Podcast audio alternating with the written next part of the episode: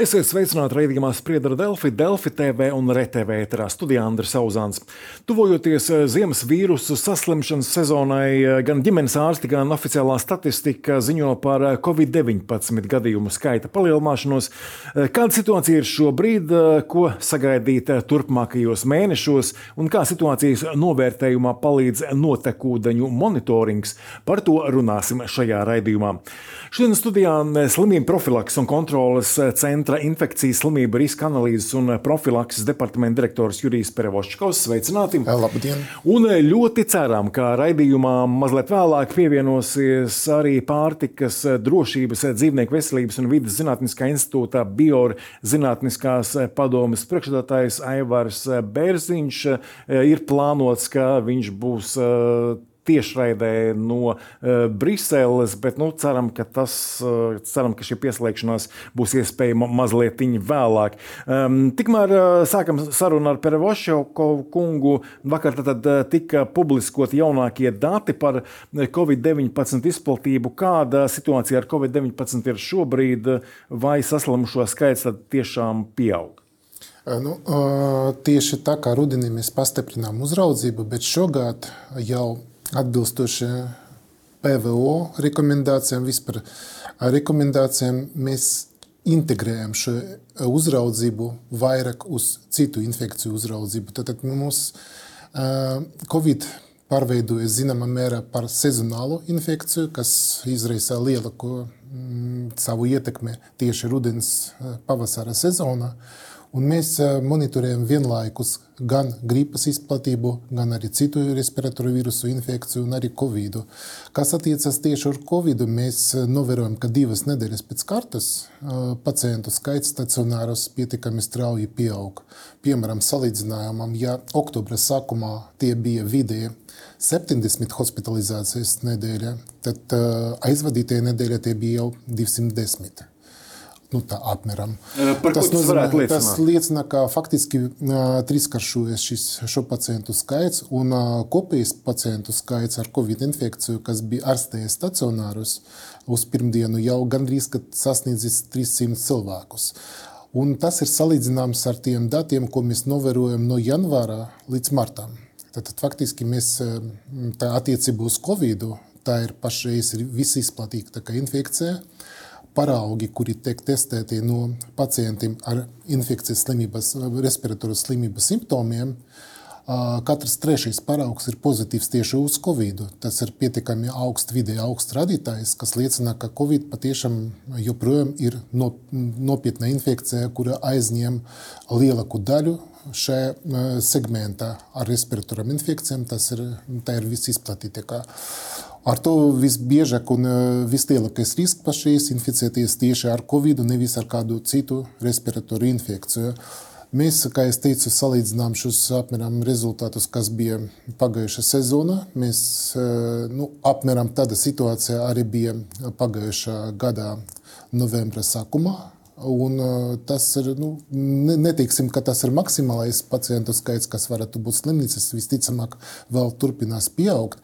Bet, vēl, nu, protams, kā ne visi pacienti, kuriem ir covid stacionāras, ārstējas tieši covid dēļ. Tur atrodas viņi ārstējas dažreiz arī citu slimību dēļ, bet inficēti ar covid. Un tādu īsto pacientu, ar kuriem bija Stacionēšanas iemesls Covid infekcija ir puse, apmēram puse no visiem šiem 300 apmēram gadījumiem. Vai um, tie dati par covid izplatību varētu būt uzskatām par korektiem, ja saslimšana mm, tiek nu, apstiprināta vai izslēgta, piemēram, ar šiem lētajiem Ķīnā ražotajiem ātriem testiem, kur viltus rezultātu iespēja ir gan liela? Mhm. Nu, mēs vairs nebalstām uz savus secinājumus uz kādreizu totālu visaptverošo uh, testēšanu. Vairs nav nozīmes testēt katru pacientu. Uh, pandēmijas sākumā tur bija nu, patiešām liela nozīme atklāt katru infekcijas avotu. Šis cilvēks būtu izolējams, kontaktpersonas ir noteiktas, kamēr vēl nebija vakcīnas, kamēr nebija vakcinācijas aptvere, kamēr vīrus bija patiešām diezgan, diezgan bīstams un viņš bija pieskaitīts pie bīstamām infekcijām, tāpēc ka mirstība bija patiešām tiešām diezgan augsta. Vīrus ir mainījies, un tagad mums nav nepieciešamības sekot katram gadījumam. Cilvēks var pieņemt lēmumu testēties viņam pašam ar paštestu vai netestēties. Un šie dati nenāk uz statistiku. Uz statistiku nāk tie dati, kas ir no slimnīcām. Pacients smagā stāvoklī ārstējas slimnīcā un viņam veic šo valsts apmaksātu testu. Un, uh, arī nav svarīgi, tik svarīgi, cik tie testi veikti, cik ir svarīgi attiecības starp veiktu testu un pozitīvo testu. Tātad pozitīvo testu īpatsvars ir pietiekami labs radītājs, lai sekotu vīrusa izplatībai tieši attiecībā uz stacionētiem pacientiem pacientiem. Un, kā jau teicu, tie 30% tas nav maksimālais apjoms, kas, procents, kas varētu būt sasniegts. Covid epidēmijas viļņos tie bija 45%, bet nu, tik un tā 30% tas ir pietiekami daudz. Tas, ka Covid testi nu, vairs uh, nav um, plašam cilvēku lokam apmaksāti, tas problēmas nerada? Šeit problēmas tieši mēs neredzam, tāpēc ka testēšanas mērķis bija veikt ierobežojušus pasākumus, lai vīrus neizplatās tālāk. Šāds mērķis tagad tieši no kliniskā viedokļa šiem testiem nav īpašas pievienotas vērtības, tāpēc ka nu, ambulatorija neveic nekādas specifiskas ārstēšanas. Tā pievienota vērtība valsts apmaksātiem testiem ir smagiem pacientiem stacionāros. Tad var izslēgt vai apstiprināt covid, ja izslēgts covid, tad vajag domāt par kaut kādu citu citu diagnozi un dot arī specifisko terapiju. Piemēram, pacientam varētu būt arī gripa, un tad pie gripas mēs varam dot specifiskas zāles. Kas ir tie aktuālie Covid-19 paveidi, kas šobrīd Latvijā izplatās? Interesanti, ka tie paveidi diezgan vienādi visā Eiropas Savienībā. Joprojām pavasarī parādījies jaunais paveids, kuru abreviatūra XBB15. Viņš izspieda visus citus paveidus un bija dominējušais visu vasaru, pavasari, vasaru, un tagad viņš iet mazumā. Apmēram kaut kāda 20% Eiropas Savienība, respektīvi arī Latvija, un pieaug pēcnācējs, tā saucamais eris variants, tauta, kuru sauc viņam salīdzinot ar iepriekšējo XBB, XBB1.5 parādījās papildu mutācija spēka proteīna, ar kuru viņš vīrus piestiprinās pie cilvēka šūnām. Bet šis vīrus tagad iet plašumā, šis jaunais paveids, un viņš vidēji Eiropā sasniedz kaut kādus 60 pat 70%. Faktiski tie divi celmi, XBB1.5 un pēcnācējs eris, ir dominējuši. Un te ir laba ziņa tāpēc ka adaptēta un pielāgota vakcīna, kura ir pret covid infekciju šogad, ir tieši domāta XBB1.5 variantam. Viņa diezgan specifiski iedarbosies un arī pierādīts, ka antivielas, kuras izstrādātas vakcinētiem cilvēkiem, diezgan veiksmīgi darbojas pret eris paveidu. Ko nozīmē diezgan veiksmīgi? Līdzīgi.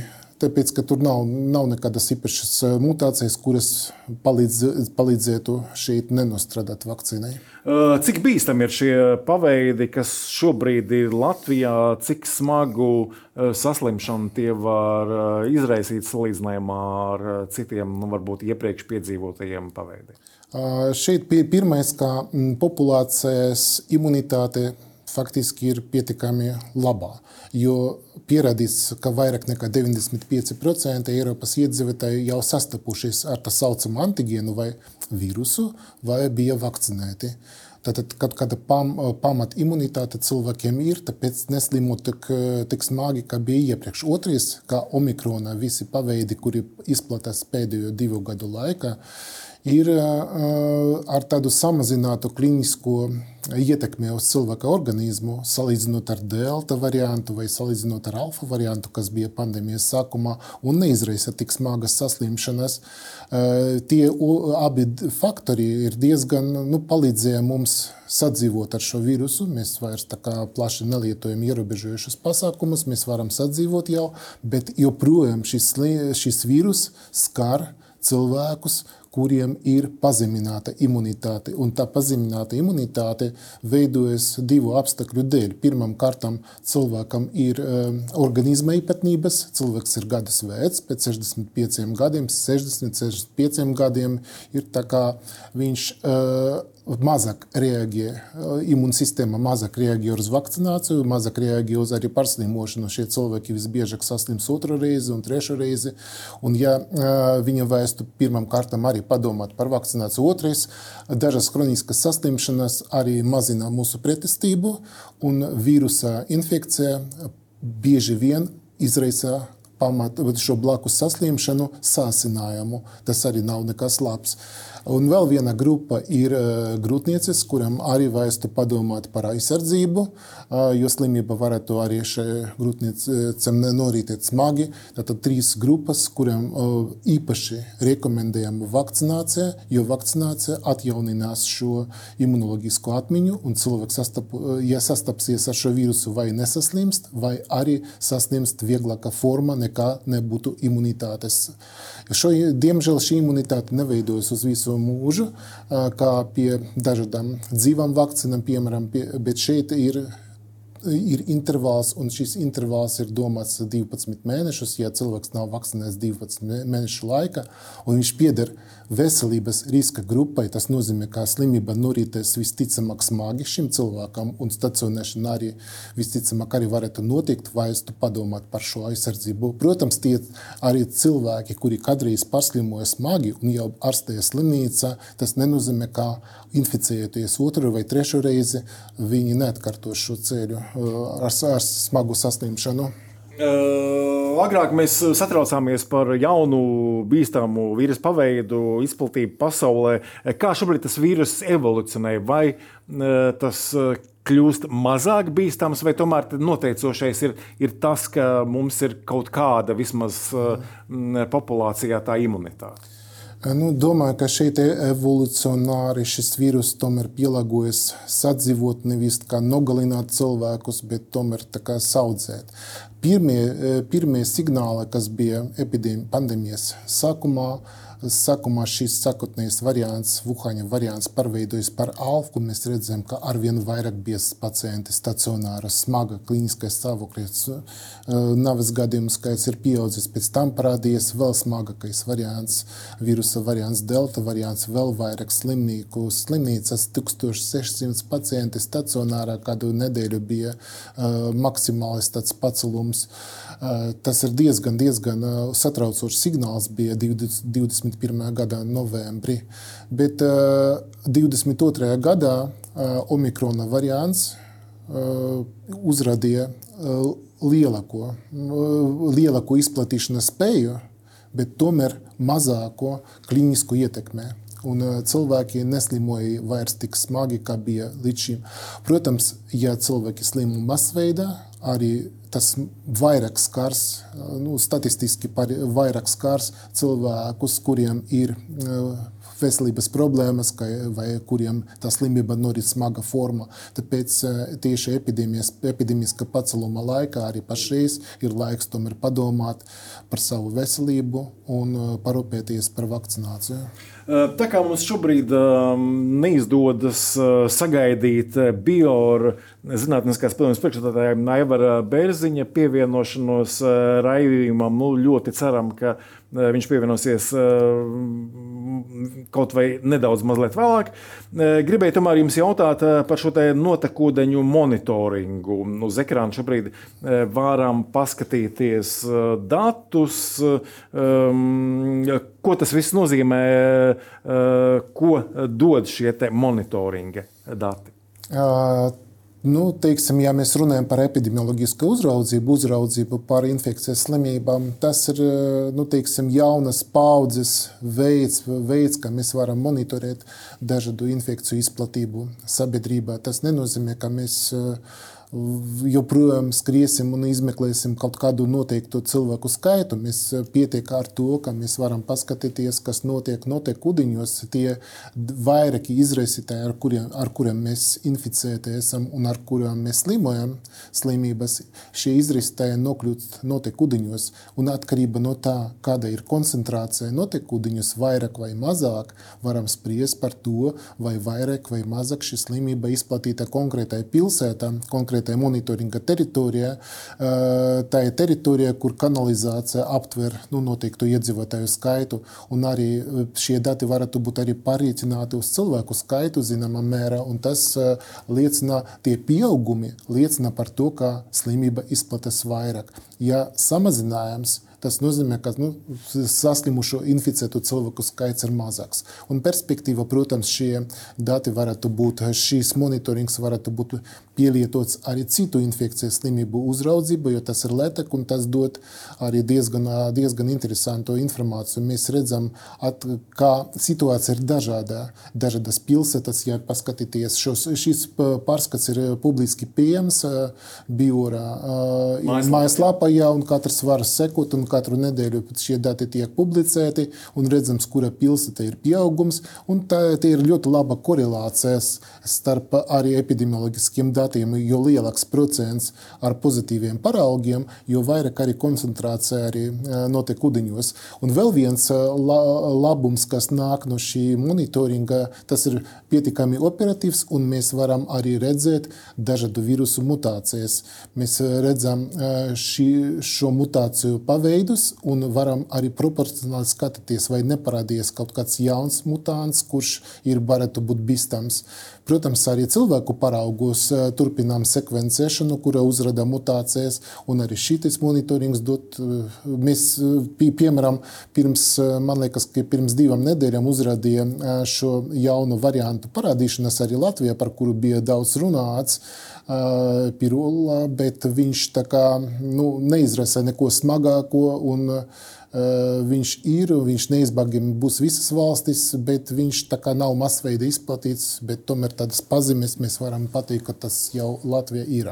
Un šobrīd var ziņot, ka mums veiksmīgi raidījumam pievienojas pārtikas drošības, dzīvnieku veselības un vidas zinātniskā institūta biozinātniskās padomjas priekšstādātājs Aivars Bērziņš. Sveicināti!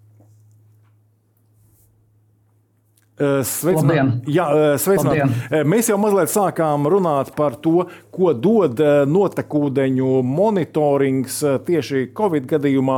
Kā jūs šo komentētu, kā situācija ar Covid-19 palīdz saprast šis notekūdeņu monitorings, kurā ir Zinātniskais institūts Bior iesaistīts? Labdien!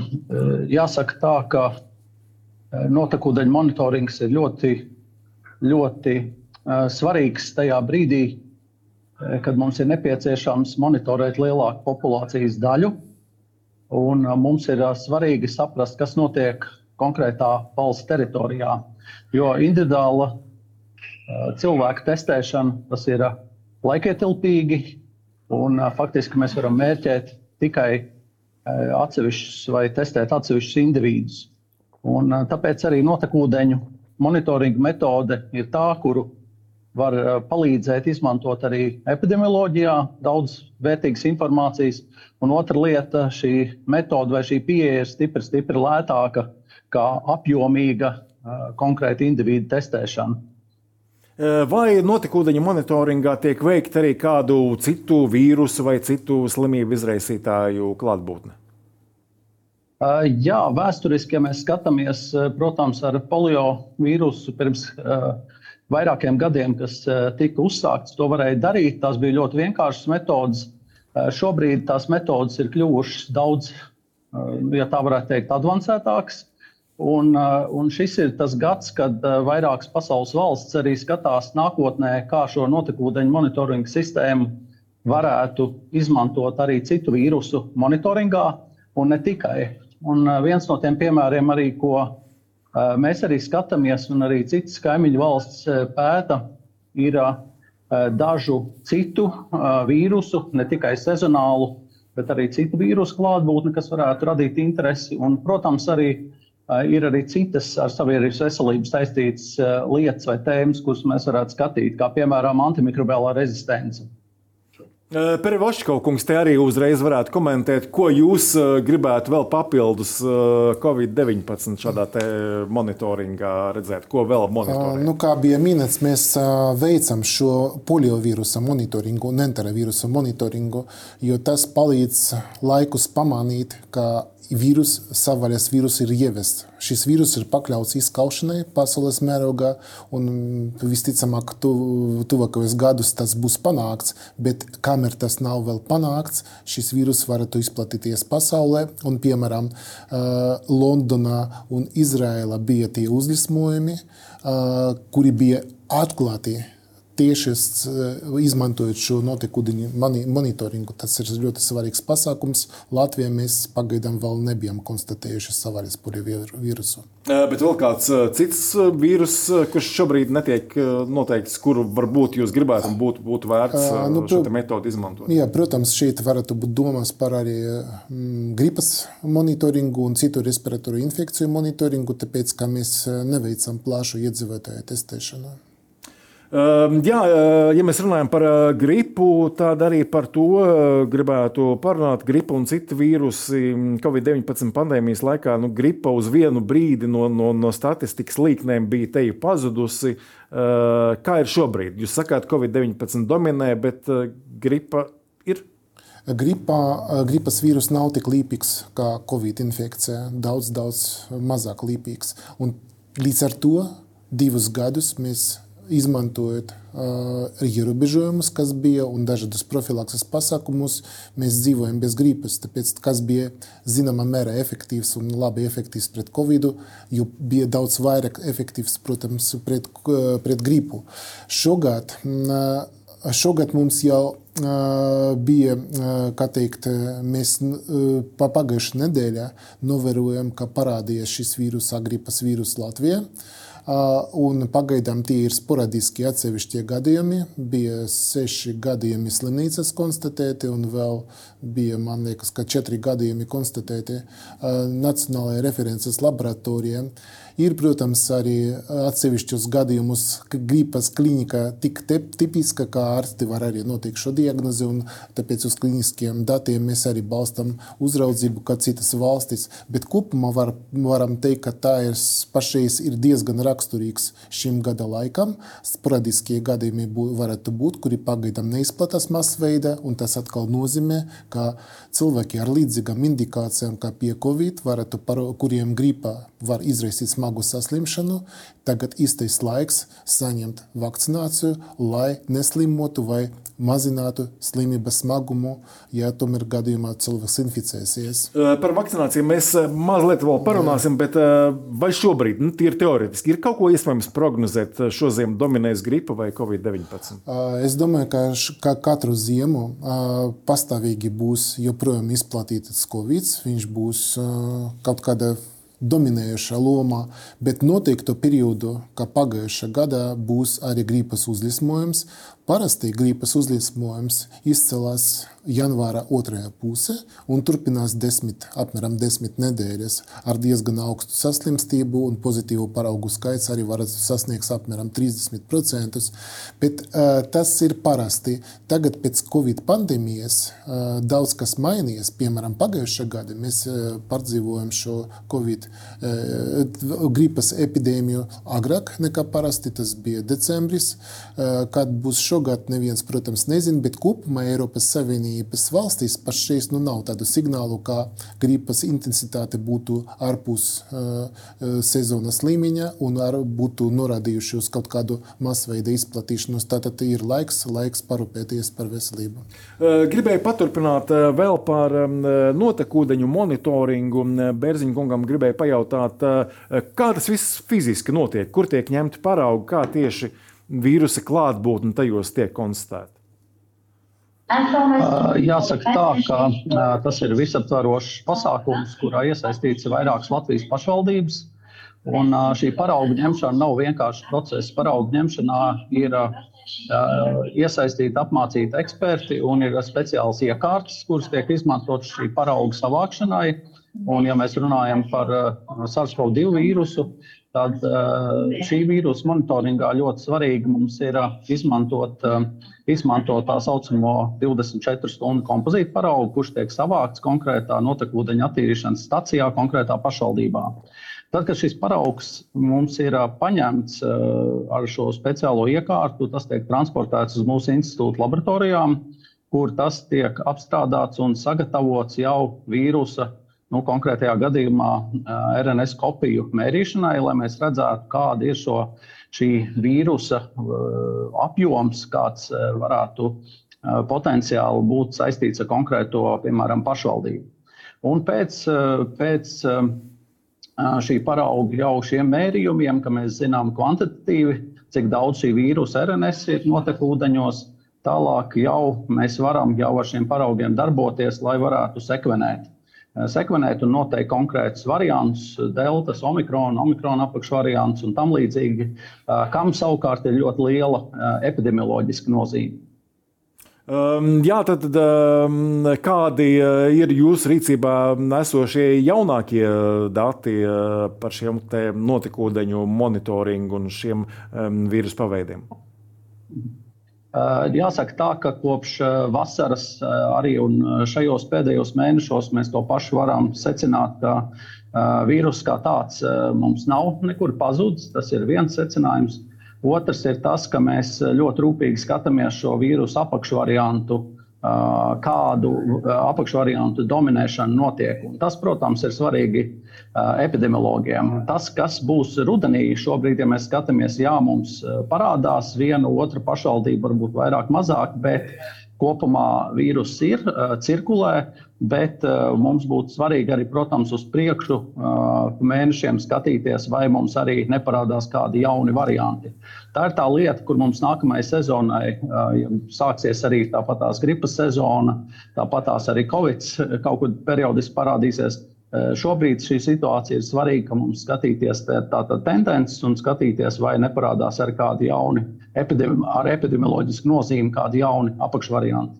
Uh, uz šo brīdi pavisam jauni varianti nav parādījušies. Uh, pagaidām tie ir tie esošie, kas mums ir apakšvarianti. Jā. Uh, XPB, kas bija viens no apakšvariantiem, kas pēdējais dominēja, tad vēl arī Pervošikau kungs varbūt var minēt arī reģionā, varbūt tās kādas arī papildus jauna informācija, kas ir kaimiņu valstīs, bet katrā ziņā šie varianti tiek monitorēti. Um, jā, šobrīd uh, vēl ar uh, Perevoškovu kungu gribēju pārunāt uh, jautājumu par uh, vakcināciju. Nu, ir statistika, ka to cilvēku skaits, kas vakcinējas pret gripu, ir būtiski lielāks nekā to cilvēku skaits, kas vakcinējas pret covid-19. Kādi, jūsuprāt, ir iemesli un vai um, ja šī vakcinācija pret covid-19 eh, nav tik liela un tik izplatīta, eh, varbūt vīrusa izplatība palielinātos? Nu, Pirmkārt, es domāju, ka šeit ir nav pietiekams, cilvēki nav pietiekami apzinā riskus. Kā mēs redzam, Covid nekur nav pazudis. Viņš bija pavasaru un tagad rudenī dominējušais. Tad, un, ja mēs runājam par riska grupām, šeit ir tieši tas, tas ka ar vakcināciju var pasargāties. Tikpat kā pasargāties no gripas, kad gripas epidēmija pienāks. Bet gripas epidēmija nu, teiksim, ir ierobežots laiks, Viņš gripa nav izplatīta visu gadu, bet ar covid var inficēties arī tagad. Ir diezgan liels risks, un arī rīt inficēties, un arī kad būs arī gripa. Jo visticamāk, covid arī nekur nepazudīs arī tajā laikā. Tāpēc šeit ir no riska viedokļa, šeit ir būtu ļoti ieteicama vakcinācija, izjūt no tā, ka risks inficēties gan ar gripu, gan ar covid pietiekami liels un sevišķi riska grupām. Mēs arī pastāv mīts, ka vakcīna nepalīdz, bet tas ir patiešām mīts. Mēs ne, pat nerunājot par starptautiskiem datiem, par starptautiskiem pētījumiem, mēs redzam, ka vakcīna pret Covid diezgan efektīva. Un pagājušā sezonas dati pierādīja, ka cilvēki, personas 65 gadi un vairāk, kuri bija vakcinēti pret Covid infekciju, divas reizes retāk slimoja, bija reģistrēti kā infekcijas slimnieki. Viņi četras reizes retāk nokļuva slimnīcās, salīdzinājumā ar tiem cilvēkiem, kuri pieņēma lēmumu nevakcinēties, un piecas reizes retāk miruši, salīdzinot atkal ar tiem cilvēkiem, kuri nu, izdomāja, ka nu, nevērstu vakcinēties. Tātad tie cilvēki, kuri nebija vakcinējušies, piecas reizes biežāk miruši no Covid kā pamata diagnozes. Tie ir diezgan nopietni rādītāji, kas noraida šo mītu par to, ka vakcīna nav efektīva. Vakcīna tieši efektīva un tieši vajadzīga cilvēkiem ar uh, risku saslimt smagi. Tikpat kā arī ar gripu. Līdz ar to sezonāla vakcinācija piedāvāta gan uh, pret gripu, riska grupas pacientiem, gan arī pret covid. Uh, bet uh, jūs jau mazliet pieminējāt uh, par šo imunitāti, bet gribēju arī vēl precizēt, nu, tie, kas pret covid-19 ir vakcinējušies iepriekšējos gados, viņiem tā imunitāte vēl kaut cik derīga ir? Imunoloģiskā atmiņa, protams, vienmēr ir, bet piemēram, cilvēks, ja viņš ir spēcīgs, viņš ir gadus jauns, viņam nav chronisku saslimšanu, tā imunitāte diezgan ātri palīdz viņam tikt vaļā no vīrusa pie jaunas inficēšanas. Bet stāsts par personām ar novājinātu imunitāti dažādu slimību, chronisku slimību dēļ vai vecuma dēļ. Te ir cits stāsts. Viņi vienkārši tā imunitāte, protams, palīdz, bet ne tik labi kā uh, gadus jauniem cilvēkiem. Tāpēc papildu uh, imunoloģiska aizsardzība un antivielas būtu ļoti vietā. Bērziņa kungam gribēja jautāt, kopumā, kā aizvadītā pandēmija ietekmēja Zinātniskā institūta biodarbību. Nu, kāds tas bija tas salīdzinošs noslogojums, darbojoties tieši ar šo vīrusu? Vai šobrīd ir nu, tā, vairāk laika pievērsties citiem jautājumiem, ikdienas jautājumiem?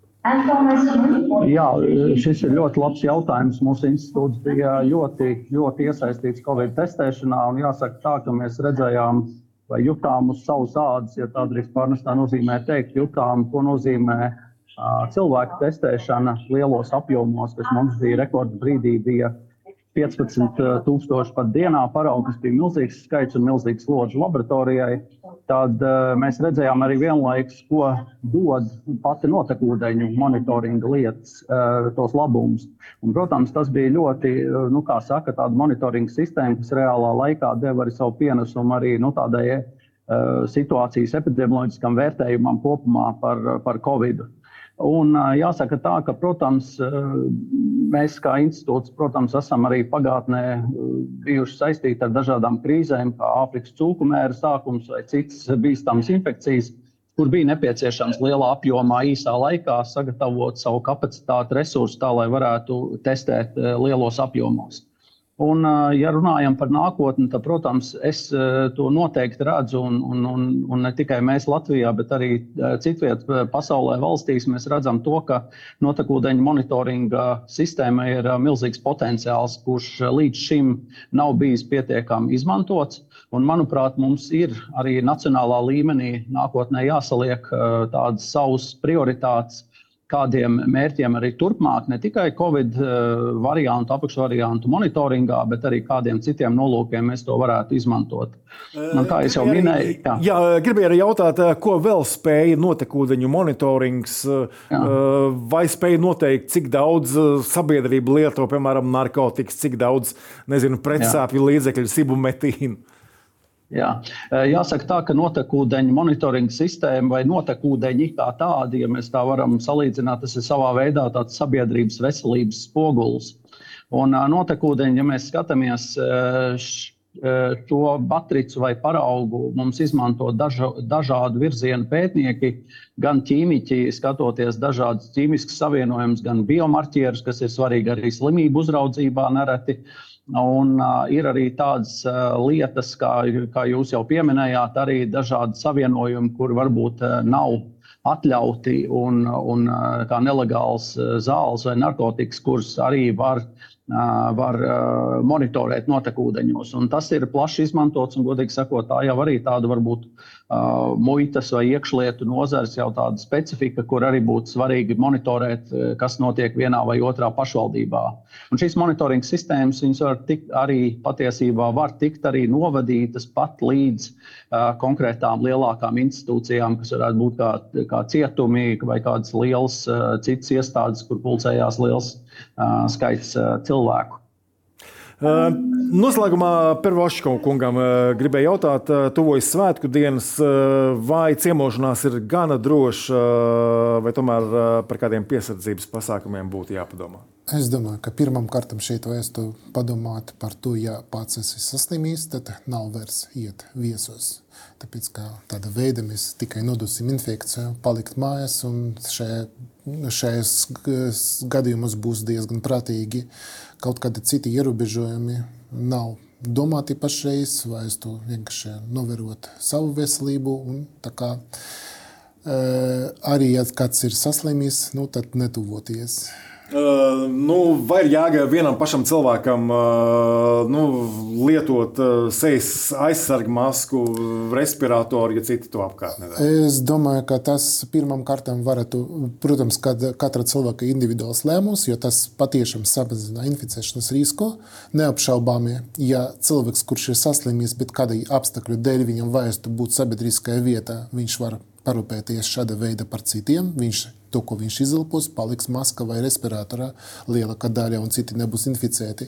Bet riska grupas, cilvēki, veselības riska grupas, par kuriem mēs runājam par vakcināciju, bet arī var, vakcinācija nav vienīgais, ko viņi var darīt. Tā ir kompleksa pasākums, ja viņam tomēr vajag to apmeklēt kaut kādu sabiedrisku vietu, kur cilvēki pulcējas, kur daudz slikta ventilācija un cilvēks gadus vecs, viņam tie riski saslimt smagi ir lieli, tad arī var lietot. Ir būtu ļoti ieteicams lietot respiratoru masku. Vismaz šāda veida viņš daudz inficēšanas varbūtība daudz mazākā nekā nelietojot. Jā, tad, tad eh, būsim piesardzīgi arī eh, šajā svētku laikā. Saku paldies eh, raidījumu viesiem. Nākamais spriedra Delfija raidījums ēterā pirmdien. Rīt raidījumā, kāpēc mana kolēģe Olga Drageļeva pievērsīsies jautājumam par pēcdzemdību aprūpi Latvijā. Šodien paldies, ka skatījāties uz tikšanos!